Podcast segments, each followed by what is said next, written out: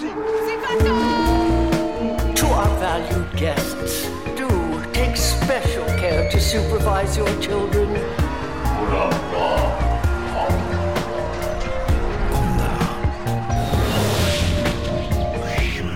Het is weer ochtend in Pretparkland. Goedemorgen pretparkland en welkom bij je ochtendelijke pretparkpodcast. Mijn naam is Erwin Taats en Dennis Jans en ik zijn vandaag in Paradise.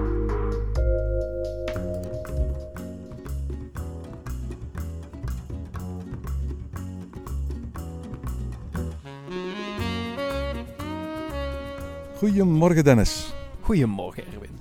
Zeg Dennis, we zijn dus niet in pretparkland, we zijn in dierenparkland vandaag. Ik kijk uit op een bult en deze keer is het geen camelback in een achtbaan, maar het is, eh, het is de bult van een uh, dromedaris. Van een dromedaris. We zitten eigenlijk op een bankje vlakbij het toekomstige, moet ik eigenlijk zeggen. Maar het is goed als klaar voor het deelplein van Paradisa. L'œuf du monde in de vorm van een ei. eh, waar de twaalf werelden van, van Paradisa uitgebeeld zijn. In de vorm van twaalf tableaus. Voorzien van planten en, en eh, vegetatie die, die moet verwijzen naar de tuinen van Paradisa zelf. En aan onze linkerkant zien we dan de toekomstige ingang van het park. Waar op dit moment nog druk aan getimmerd en gebeiteld wordt. Hè? Ja, en vooral vanaf de buitenkant, als je er voorbij rijdt, dan denk je van, oeh, hier is nog wel redelijk wat werk aan. Want hier, als je, als je in het park bent en je ziet bijvoorbeeld L'œuf du monde, dan zie je eigenlijk vanaf een afstandje al een, een product wat af is eigenlijk. Hè. Er zijn al heel wat, wat tuinen inderdaad, wat een soort eh, diorama's zijn van natuur en vegetatie en een paar gebouwen die je tegenkomt in die verschillende tuinen die je ook in het park tegenkomt. Maar dat ziet er eigenlijk zo goed als af uit. Ik vraag me eigenlijk af of ze, als het binnenkort af is, of ze het ooit toegankelijk gaan maken voor bezoekers van het park. Of dat ze echt gaan wachten tot de eigenlijke nieuwe entree open gaat. Ja, want die, die entree, daar is nog wel wat werk aan. Ik denk dat ze daar nog wel even mee gaan wachten. Want als ze dat hadden willen doen, dan hadden ze het nu eigenlijk wat bij. Ja, het is zo goed als af, hè. Ja, het ziet er echt al af uit en zo. We hebben het wel een beetje van een afstandje gezien natuurlijk, maar het ziet er heel erg mooi en heel erg tof uit. In onze vorige aflevering uit Paradise hadden we een interview met Erik Dom. Blijf zitten, want ook in deze aflevering hebben we een interview met de directeur van het park. Toen vertelden we dat eh L'œuf du Monde, het nieuwe verdeelplein en de nieuwe ingang open zouden gaan in september van dit jaar. Ondertussen is het duidelijk geworden dat dat wat later zal worden. Voorlopig spreekt men over najaar 2022, maar dat zou ook wel eens voorjaar 2023 kunnen worden. Dat is eh, to be continued. Ja, en dat heeft er natuurlijk ook een beetje mee te maken met de, de huidige situatie van hogere transportkosten, eh, problemen met, met leveringen en zo dingen. Personeel. personeel, inderdaad. Ehm, en daarnaast ook dat Paradise wel het type park is wat dingen goed wil bouwen. Dus ook wel ineens midden in een project denkt van, tja, dit gaan we eens een keer misschien wat anders doen. eh, waardoor dat er wel eens wat vertraging kan, eh, kan opgelopen worden. Ehm, maar laten we in ieder geval hopen dat het eindproduct in ieder geval daardoor wel een stuk mooier wordt. Ja, absoluut. Zeg, eh, we zijn hier vandaag in Paradise. Een fantastische zonnige dag. We zijn een beetje op de grens van het lenteseizoen en het zomerseizoen eigenlijk. Hè? Ja, de schoolreisjes lopen hier veelvuldig rond vandaag. Dus eh, misschien hoor je in de, verte nog wel eens soms wat eh, jonge kinderen of zo die hier aan het, eh, rondlopen zijn vandaag. Maar over een, een aantal dagen dan begint de zomervakantie echt. En de, de meeste scholieren zijn ondertussen al klaar met hun examens. Dus de zomer staat eigenlijk wel op het punt van te beginnen. Weet je dat dat voor mij, toen ik vroeger op de lagere school zat en zelfs op de middelbare school, dat dat de hoogtepunten van het jaar, jaar waren, die schoolreisjes. En ik, ik, ik, ik sliep dus, dus amper de nacht voor we op schoolreis gingen. Ik had vroeger zelfs zo dat, eh, we deden wel af en toe een schoolreisje of zo, maar we hebben nooit echt spectaculaire pretparken of dierentuinen of zo gedaan. Oh ja? Ja, altijd zo van die kleine speeltuinen of zo waar we dan naartoe gingen. Wat was dat dan? Ja, zo, het, het Steinerbos was dat bijvoorbeeld. En Dat is ook eh, toevallig wel het, het plekje waar dat, eh, het idee voor Toverland is ontstaan. Dus toch nog een klein linkje met uh, Pretparkland. Maar ik weet wel in ieder geval, als we bijvoorbeeld naar een pretpark gingen vroeger, wat ook vaak wel in de zomer was, dat mijn ouders het nooit vertelden aan mij, omdat ik dan ook altijd een stuiterbal voor een week was. Of zo, als ik wist dat we naar een pretpark toe gingen. Dus het was altijd zo dat jij op een bepaald moment in de auto zat en dan zag je in één keer een hele grote leeuw of een hele grote tovernar of een hele grote muis met twee zwarte oren. En dan op dat moment ontdekte je eigenlijk pas van, hé, hey, we gaan vandaag naar Toverland. Ja, laat ik wel zeggen dat ik er ietsjes eerder achter was. Als mijn ouders me om, om 7 uur s ochtends wakker maakten, had ik wel zo'n vermoeden dat we iets gingen doen. Uh, ze hebben er ook af en toe echt behoorlijke streken mee gelegd. Dat we in de buurt van een pretpark gingen rijden. Ik helemaal enthousiast werd. En uiteindelijk toch iets anders gingen doen, maar gewoon toevallig even die omweg hadden gemaakt. Maar um, vroeger als kind was ik zeker net zoals jou zo'n enorme stuiterbal. En dan zeker in deze tijd van het jaar. Dan is het echt gewoon de, de hoogtijdagen van pretparken, ook van dierenparken en vrije tijdsbestedingen. Het is lekker weer, mensen hebben veel vrij af en is het gewoon leuk om erop uit te gaan en eh, toffe dingen te gaan doen. Ja, absoluut. Ik kijk heel erg uit naar de zomer. Veel parken in het vooruitzicht. Ook heel veel dingen die niks met parken te maken hebben, maar die ongetwijfeld interessant en boeiend zullen zijn. Ehm, maar we zijn vandaag in Paradise en we gaan het eens hebben over wat dierenparken betekenen voor ons als pretparkliefhebbers. Ja, want dat is eigenlijk ook wel, als we hier een beetje in de omgeving gaan kijken, een belangrijk deel van het aanbod van vrije tijdsuitjes. Hè. We, we zijn heel veel bezig met die pretparken. Uh, en er zijn er genoeg van, maar we hebben ook heel veel dierentuinen bij ons in de buurt. Hè? Ja, ooit heb ik eens een telling zitten maken van hoeveel dierenparken we hebben. En voor alle duidelijkheid, als we pretparken tellen, dan tellen we doorgaans dingen waar achtbanen of andere attracties in staan. Als je dierenparken telt, dan, dan, dan moet je je standaarden wat lager leggen. En dan kom je vaak al op half veredelde kinderboerderijen uit als je eigenlijk ook dieren wil bij gaan nemen. En dan, dan, dan blijken er in Vlaanderen echt heel veel, vaak ook heel kleinschalige dierentuinen te zijn. In de provincie waar ik woon alleen al zijn er zeker een tiental. Uiteraard, dat zijn geen grote dierentuinen. En de, de, de kwaliteit wisselt ontzettend van dierentuin tot dierentuin. Als we over grote dierenparken hebben, hebben we er in België een vijftal. Maar ik denk dat we in totaal zeker 30, 40 verschillende dierentuinen hebben in België. En we zitten hier natuurlijk vandaag ook wel in een van de mooiste ter wereld, denk ik wel. Ja, want vooral Paradise is niet representatief voor de gemiddelde dierentuin in België. Nee, absoluut. Dus, dit valt op geen enkele manier te vergelijken met de bezoekjes die ik ook al eens heb gedaan aan uh, de Olmense Zoo. Pakawi Park heet het geloof ik momenteel, maar ik geloof niet dat we daar al te veel aandacht aan moeten besteden. Nee, dat was ook toen de tijd. Het was leuk voor eens een keer een middagje naartoe te gaan, maar veel meer dan dat was het, uh, was het voor mij ook niet in ieder geval. Ik was zelfs de naam vergeten eigenlijk hoor. Voor mijn, hoofd is het nog steeds uh, de Olmense Zoo. Maar dat Paradise staat daar kilometers boven natuurlijk. Vooral ook vanwege alle thematisatie die daarbij is aangebracht, wat, uh, wat mijn hart wel een stuk sneller doet kloppen. Ja, absoluut. Voor mij is dat denk ik ook een van de redenen waarom ik het liefst naar, naar, naar, naar, naar dierenparken ga. Dat is heel raar, niet voor de dieren, maar, maar voor de parken. Ben echt een pretparkliefhebber. En de dingen die me zo aan, aantrekken in, in pretparkland zijn eigenlijk ook de dingen die mij aantrekken in, in, in dierenparkland. Uiteraard vind ik het fascinerend om zoals nu op een, op een, op een hoop uh, dromedaris te zitten kijken. Of zoals daarnet een, een ontzettend schattige pandabeest te zien. Of, of, of gewoon een, een nijlpaard vervaarlijk door het water te zien drijven. Dat is natuurlijk fascinerend en, en het, het, het, boeit me wel. Maar ik vind het minstens zo boeiend hoe Paradise de verschillende werelden gaat neerzetten. En in dat opzicht zie je toch wel dat ook dierenparken de afgelopen jaren steeds vaker die, die, diezelfde thematische insteek hebben gekozen. Die pretparken hebben gekozen om hun themagebieden aan te, aan, te passen. Uiteraard komen dieren vaak met hun eigen themagebied. Je kunt je voorstellen dat een gemiddelde tijger iets vaker een Indisch themagebied met zich mee gaat brengen dan, laten we zeggen, een thema van een Vlaamse boerderij of zoiets.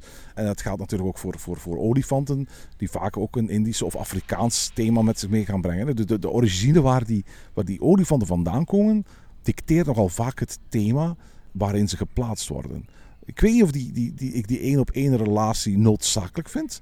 Ik zou wel eens willen zien dat pretparken daar eens van afwijken op een hele originele manier. En ook gaan nadenken, kunnen we, hoeven we dieren wel te plaatsen in een soort van nagebotste aardrijkskundige plek waar die dieren vandaan komen? Is er niet meer te doen, ook narratief, dan puur als het ware het dier te plaatsen in een thema dat hun origine oproept? Maar het is in elk de reden waarom ik dierenparken net zo fijn vind als pretparken.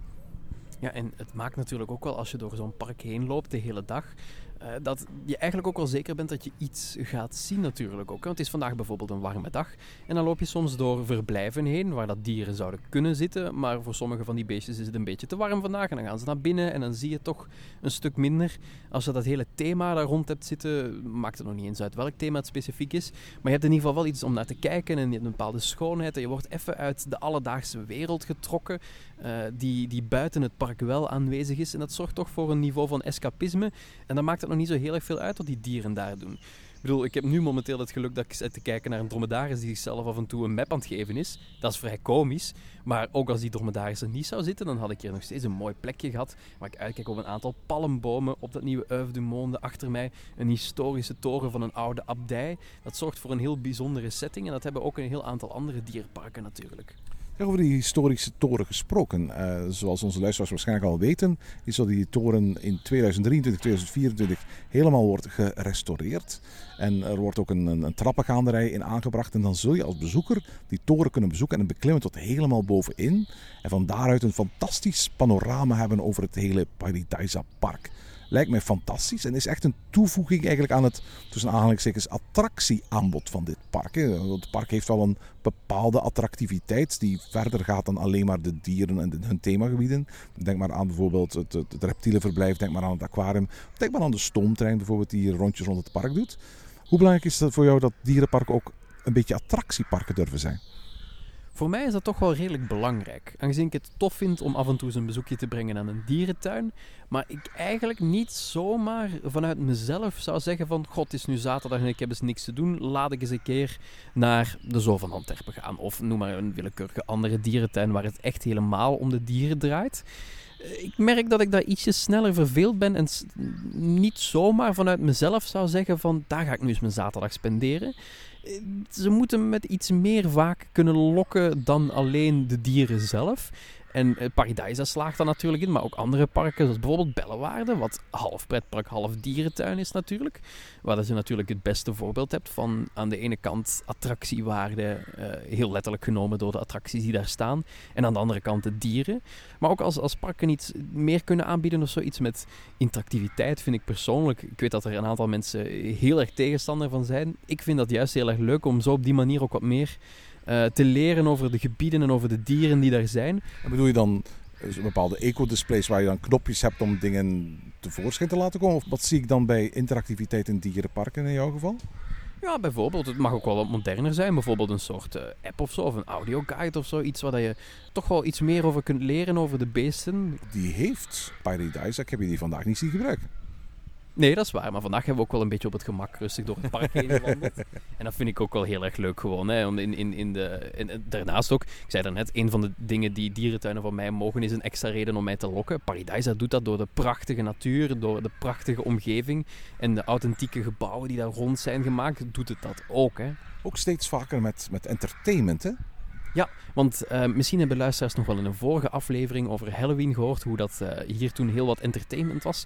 En je noemde het daar, weet ik nog heel goed, een soort Halloween-versie van de Gentse feesten. Met een soort programmaboekje waar je merkt van, goh ja, we kunnen hier niet alles doen op één avond. Er is zoveel te beleven over het hele park. En eh, we hebben vandaag ook een klein beetje te horen gekregen over eh, wat Paradise van plan is deze zomer te doen. Ik krijg daar een beetje hetzelfde gevoel bij. Hè? Ook weer met heel veel entertainment en eh, op verschillende plaatsen waar, je- waar je verschillende showtjes of muziek of zo kunt gaan beluisteren. Allemaal in het thema van het gebied waar je dan bent. Het is echt wel een park wat ook met entertainment heel erg aan de slag gaat. Ja, vanaf half juli is het park elke vrijdag en zaterdagavond op 23 uur. Meer dan 60 verschillende groepen van acrobaten tot, tot muzikanten eh, gaan hier dan optreden op 16 verschillende pleinen. En de bedoeling is eigenlijk dat je, dat je terwijl de zon langzaam ondergaat, eigenlijk een wandeling maakt door het park. En eh, eigenlijk in een soort van doorlopend parcours gaat genieten van alles eh, wat er hier aan entertainment te beleven gaat, gaat vallen. Het idee is ook dat er elke week een nieuw programma gaat zijn.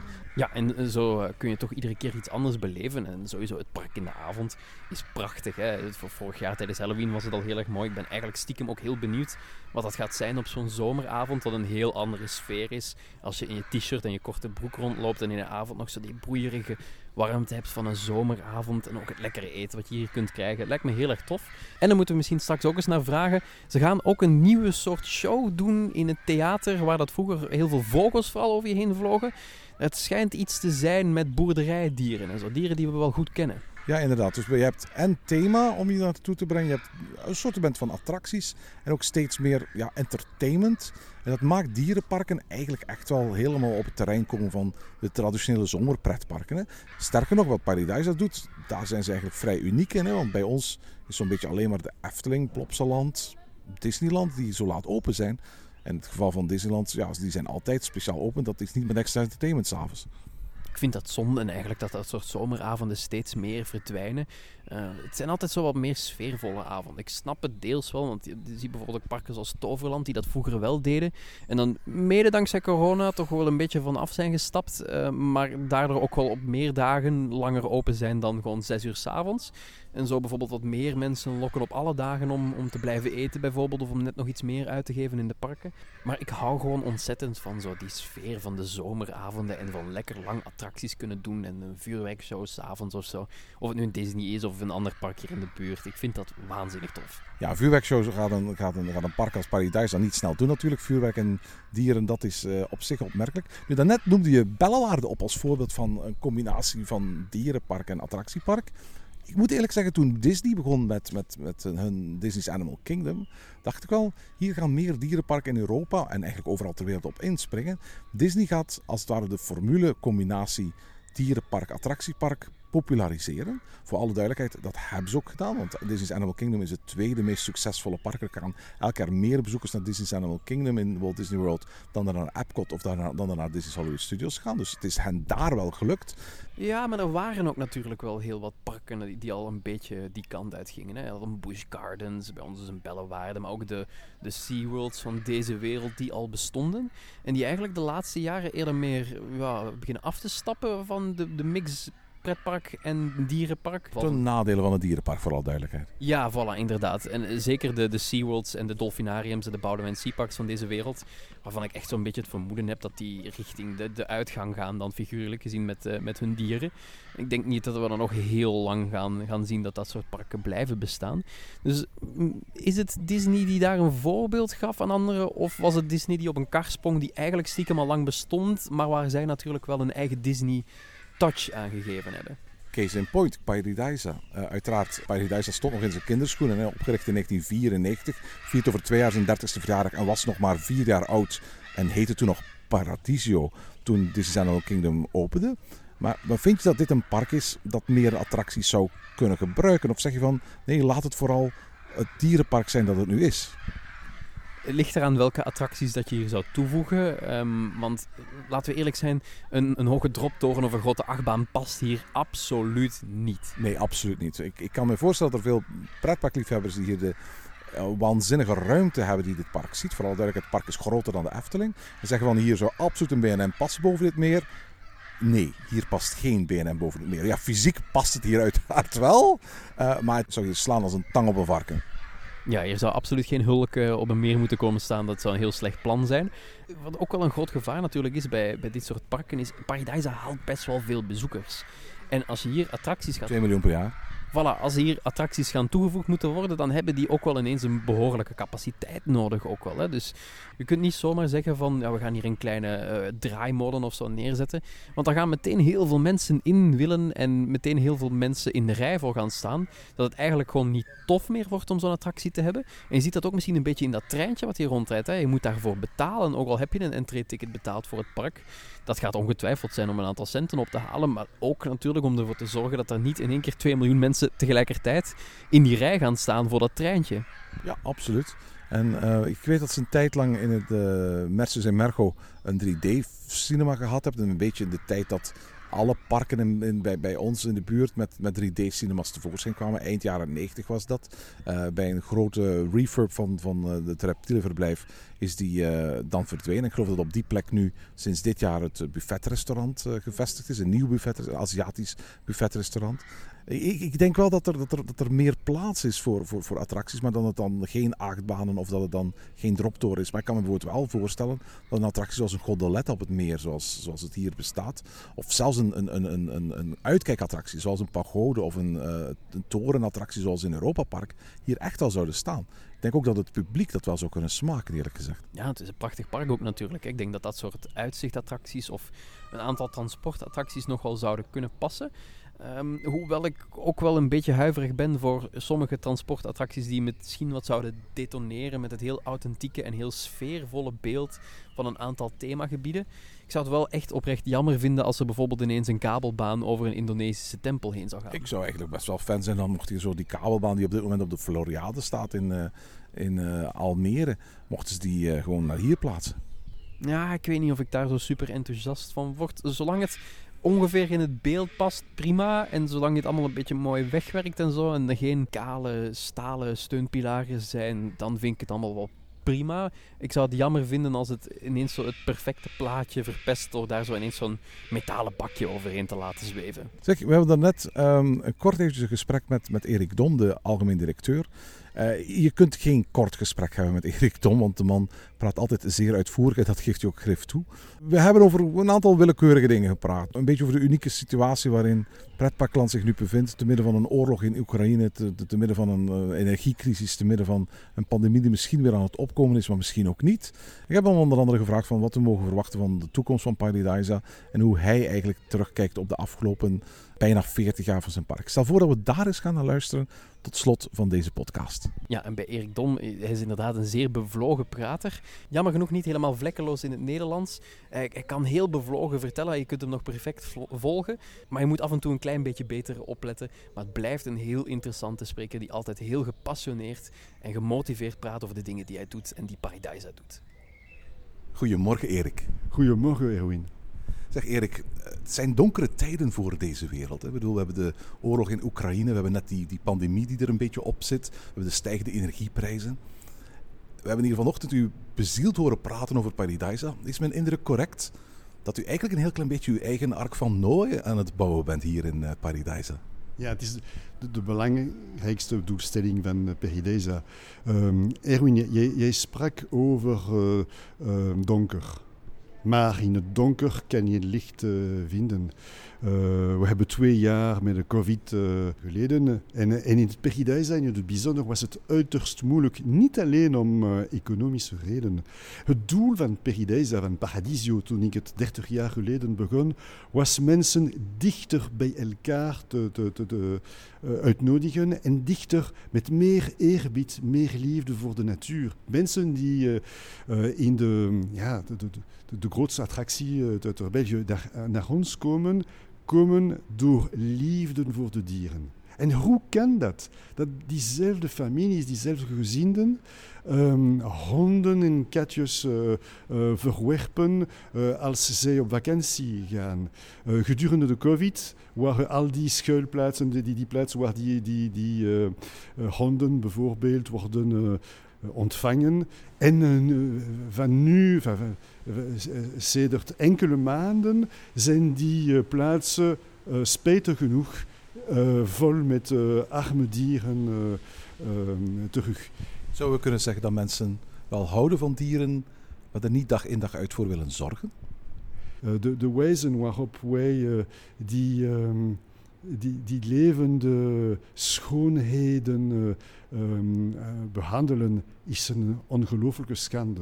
En mijn vraag was: oké, hoe kan ik uh, op een klein niveau bijwerken om meer eerbied, meer liefde, om op lange termijn tegenover die eenvoudige dier, geen reuze panda's bijvoorbeeld, de dieren die zoveel, van zoveel respect nodig hebben, uh, uh, als een olifant of een tijger of een panda. Die zijn individuele zielen die lijden aan onze uh, wijze van, van wijze doen.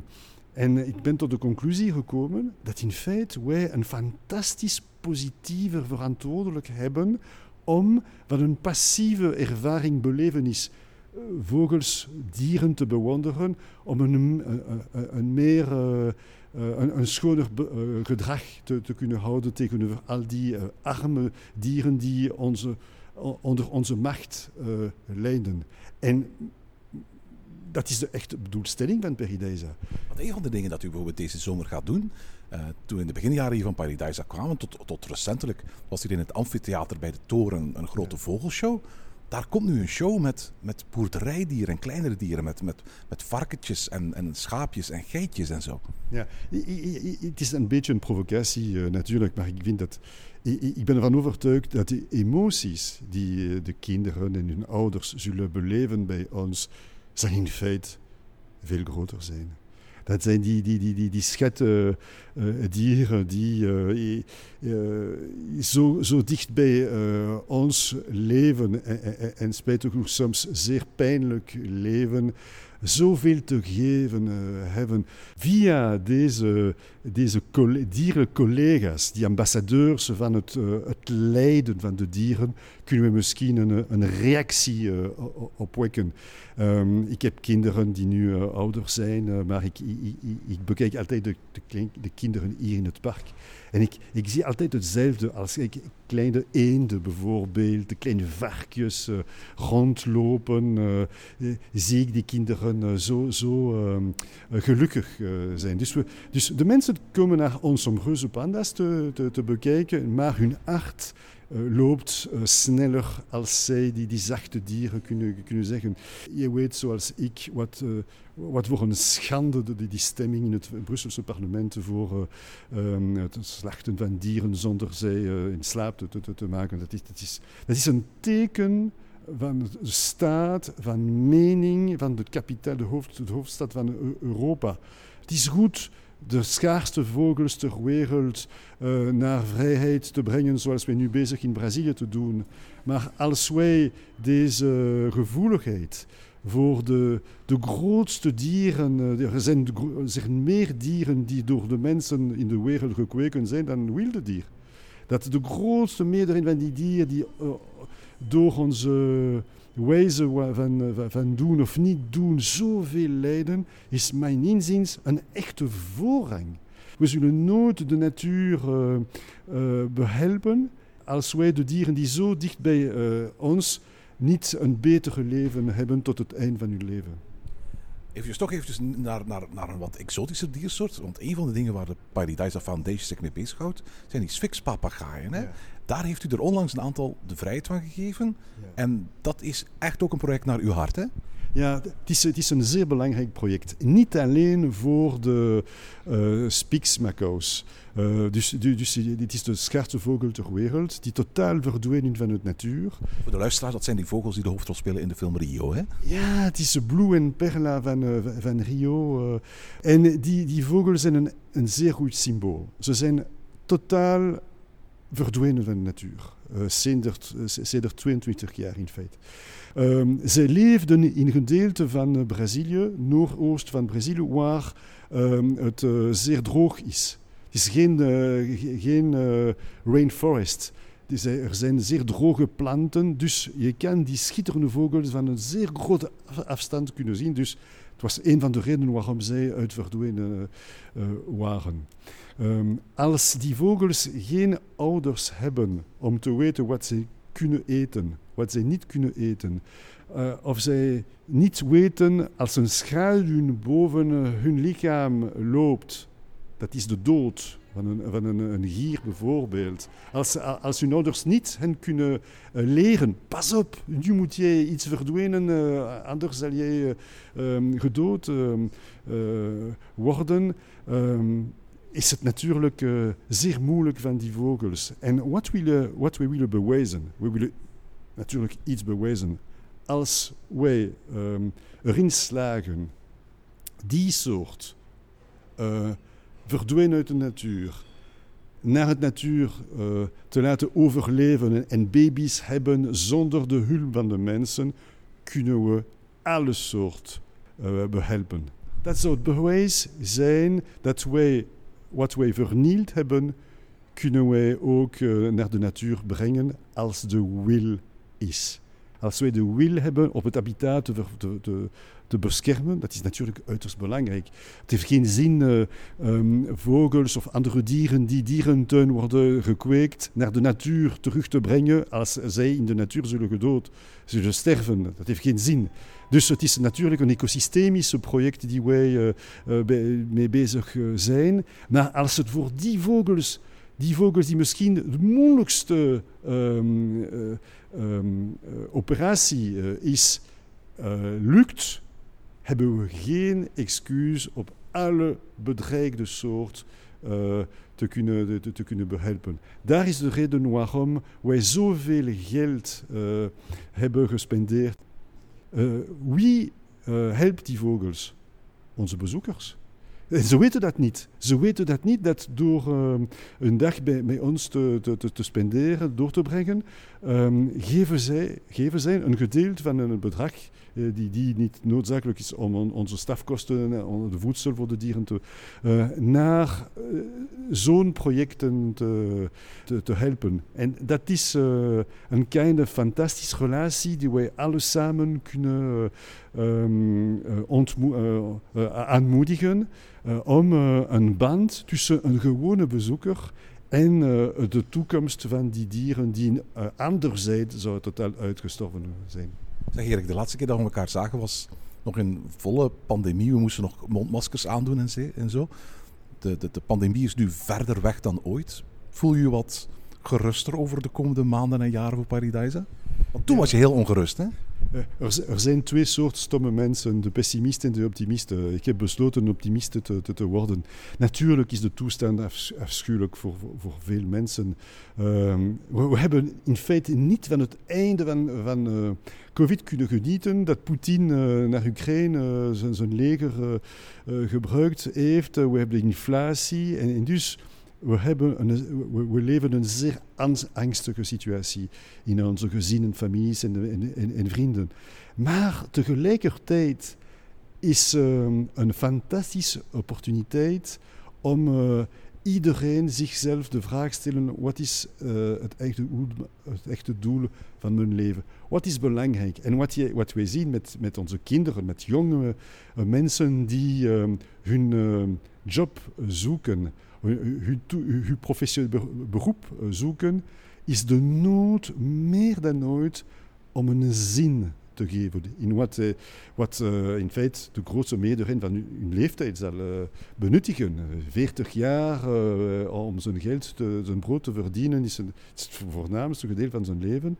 En het is, ik vind het fantastisch dat mensen nu zich vragen wat doe ik? Heeft dat een echte zin? Maakt het meer geestelijk uh, meer gelukkig? Dus voor mij is de, de situatie die we nu, nu beleven een fantastische opportuniteit om de nadruk te leggen op wat van echt belang is. En natuurlijk in mijn klein uh, leven is alles voor het welzijn van dieren besteed denk ik dat het een, een, fantastische opportuniteit is om zichzelf vragen, kunnen die leven, die, die, dieren die hun leven als enige rechtdom hebben en, en zoveel liefde voor ons hebben, zo, zacht zijn, kunnen we zijn niet meer een beetje meer uh, houden, van houden.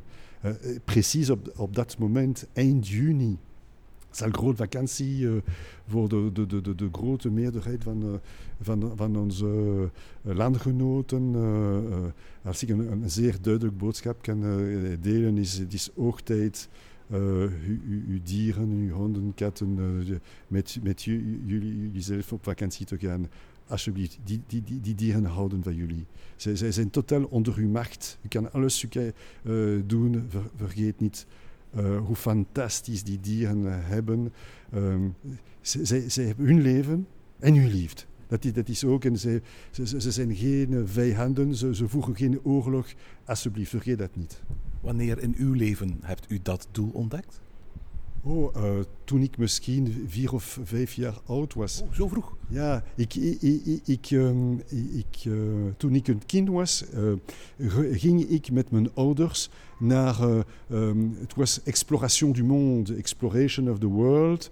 Het was reportages van fantastische mensen zoals Arun Taziev, die, die mensen die hun leven besteden om natuur te, te, te filmen en, en, en die filmen te bespreken. Dus u had de, de held die de film had ge, gemaakt en hij vertelde tegenover het groot publiek uh, wat van belang was. Dat was dan in de bioscoop of zo? Ja. Het was in, uh, uh, het, op Beaux-Arts uh, in Brussel. Van Schone Kunst in Brussel. Dus het was een leven, het was een, een film, maar we, we, hadden ook de mens in echt die over zijn film praten. En dat heeft echt mijn leven totaal gevormd om uh, mijn belangstelling voor dieren te, te verstegen met, met, met, het jaar.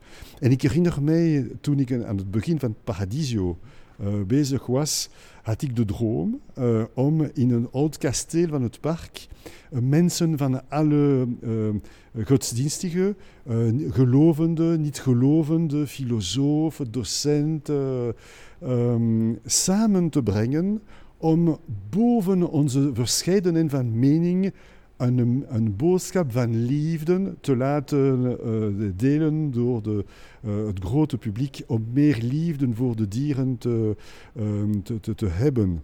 En ik herinner mij dat op dat time, ik was op zoek op een bankier om mij te helpen. Uh, ik was op zoek op een steun in, in, investering van de, het Waalse gewest. En die mensen zeggen mij, Erik, als je wilt, dit vogelpark wil doen, stop dat alsjeblieft. Vergeet met die... Geen religie, geen filosofie. Ja, ja, met die abstracties. En uh, ik heb dat nooit vergeten. Ik heb, okay, ik, ik heb eerst geprobeerd over te leven. Het was zeer moeilijk, het begin van Peridaisa. En nu is het tijd te doen, precies wat ik wil doen met al onze bezoekers, is van een passief belevenis, het wandelen in het park, in een actieve um, uh, behouden gedrag om meer liefde, minder lijden, lijden, minder lijden van, uh, voor het dier op stand te brengen. Tot slot, uh, iedereen die vandaag naar Paradijsa komt, ziet dat er op dit moment gebouwd wordt als een heel grote nieuwe ingang. Zowel in het park, een nieuwe ingangsplein, als voor het park, een nieuwe toegangsplein. Wanneer moet dat open zijn en wat is daar het verhaal of de, de filosofie achter? Ja, die ingang is, is van uiterst belang. Um, we zijn hier in een oude Cisterciënzer uh, abdij. Uh, in feite is mijn, mijn, uh, um, mijn job, mijn, mijn, mijn, mijn vocatie, mijn, mijn missie, is dus de universele schoonheid van de cultuur en van de natuur naar hier uit te nodigen. En ik vond dat het noodzakelijk was een neutrale opening van het park dan de oude ingang van de Cisterciënzer abdij. Er zijn hier tempels, uh, Balinese tempel, boeddhistische tempel. Uh, ik um, nodig iedereen uit naar hier. Uh, ofwel jij jood, moslim, katholiek, iedereen, of, of niet gelovend. Iedereen die een ideaal van lucht, van schoonheid, van liefde voor mensen, voor dieren. Uh, er, zijn, er zijn donkere gedeelten in alle godsdienstigen, maar er zijn ook luchten. Kijk naar de muziek, kijk naar de schilderij, kijk naar de architectuur bijvoorbeeld. Er, er is ook uh, iets mooi, is de hoop. Of een mooie zin, en ik kom terug naar de zin van ons leven. En ik vind dat het, natuurlijk het zeer belangrijk was een, een, een mooie, neutrale um, uitgang op stand te brengen die positief is voor alle culturen van de wereld. Dat was de reden waarom ik deze uh, eigenaardige ingang wilde uh, bouwen. En ik maak een referentie tot een fantastisch moment van onze geschiedenis.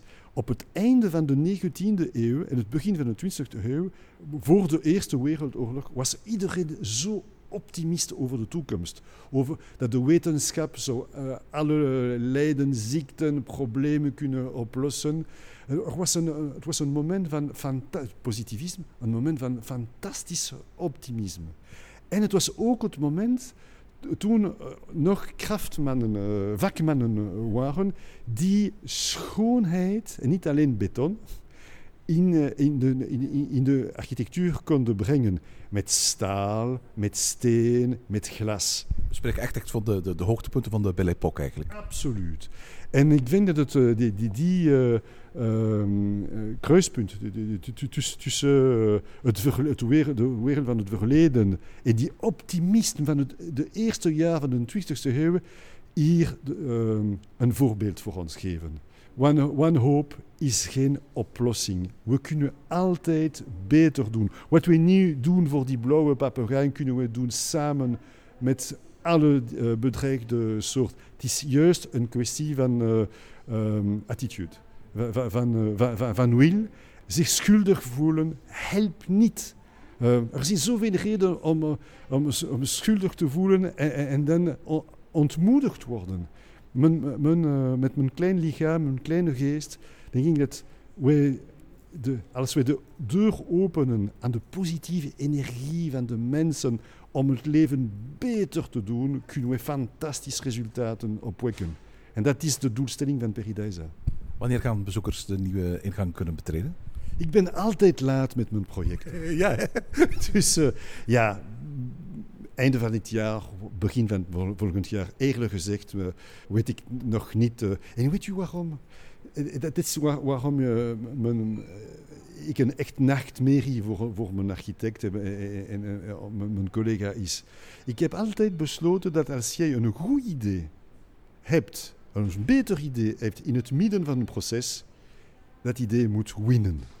En dat heeft altijd problemen opgewekt in timing. Dat wij op een bepaald moment wij onze plan moeten veranderen om meer schoonheid te kunnen uitnodigen. En dat is ook precies wat het, wat het gebeurd is met de ingang. Ik geef een voorbeeld. Ehm, er, is een, eh, een, eh, een vakman van, van Syrië eh, die nu in Turkije leeft. Die, die, die artiest heeft goud in zijn vingers. En hij maakt de, de schoonste mozaïek. Ik heb, ook, ik heb ook gezien in mijn leven.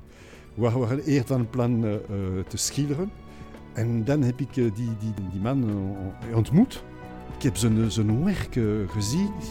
Amai, dat is wat wij moeten doen. Dit moet hier ook komen. Dit moet hier ook komen natuurlijk. En we zijn nu bezig met hem te werken. We kunnen dus met heel veel optimisme naar de toekomst kijken.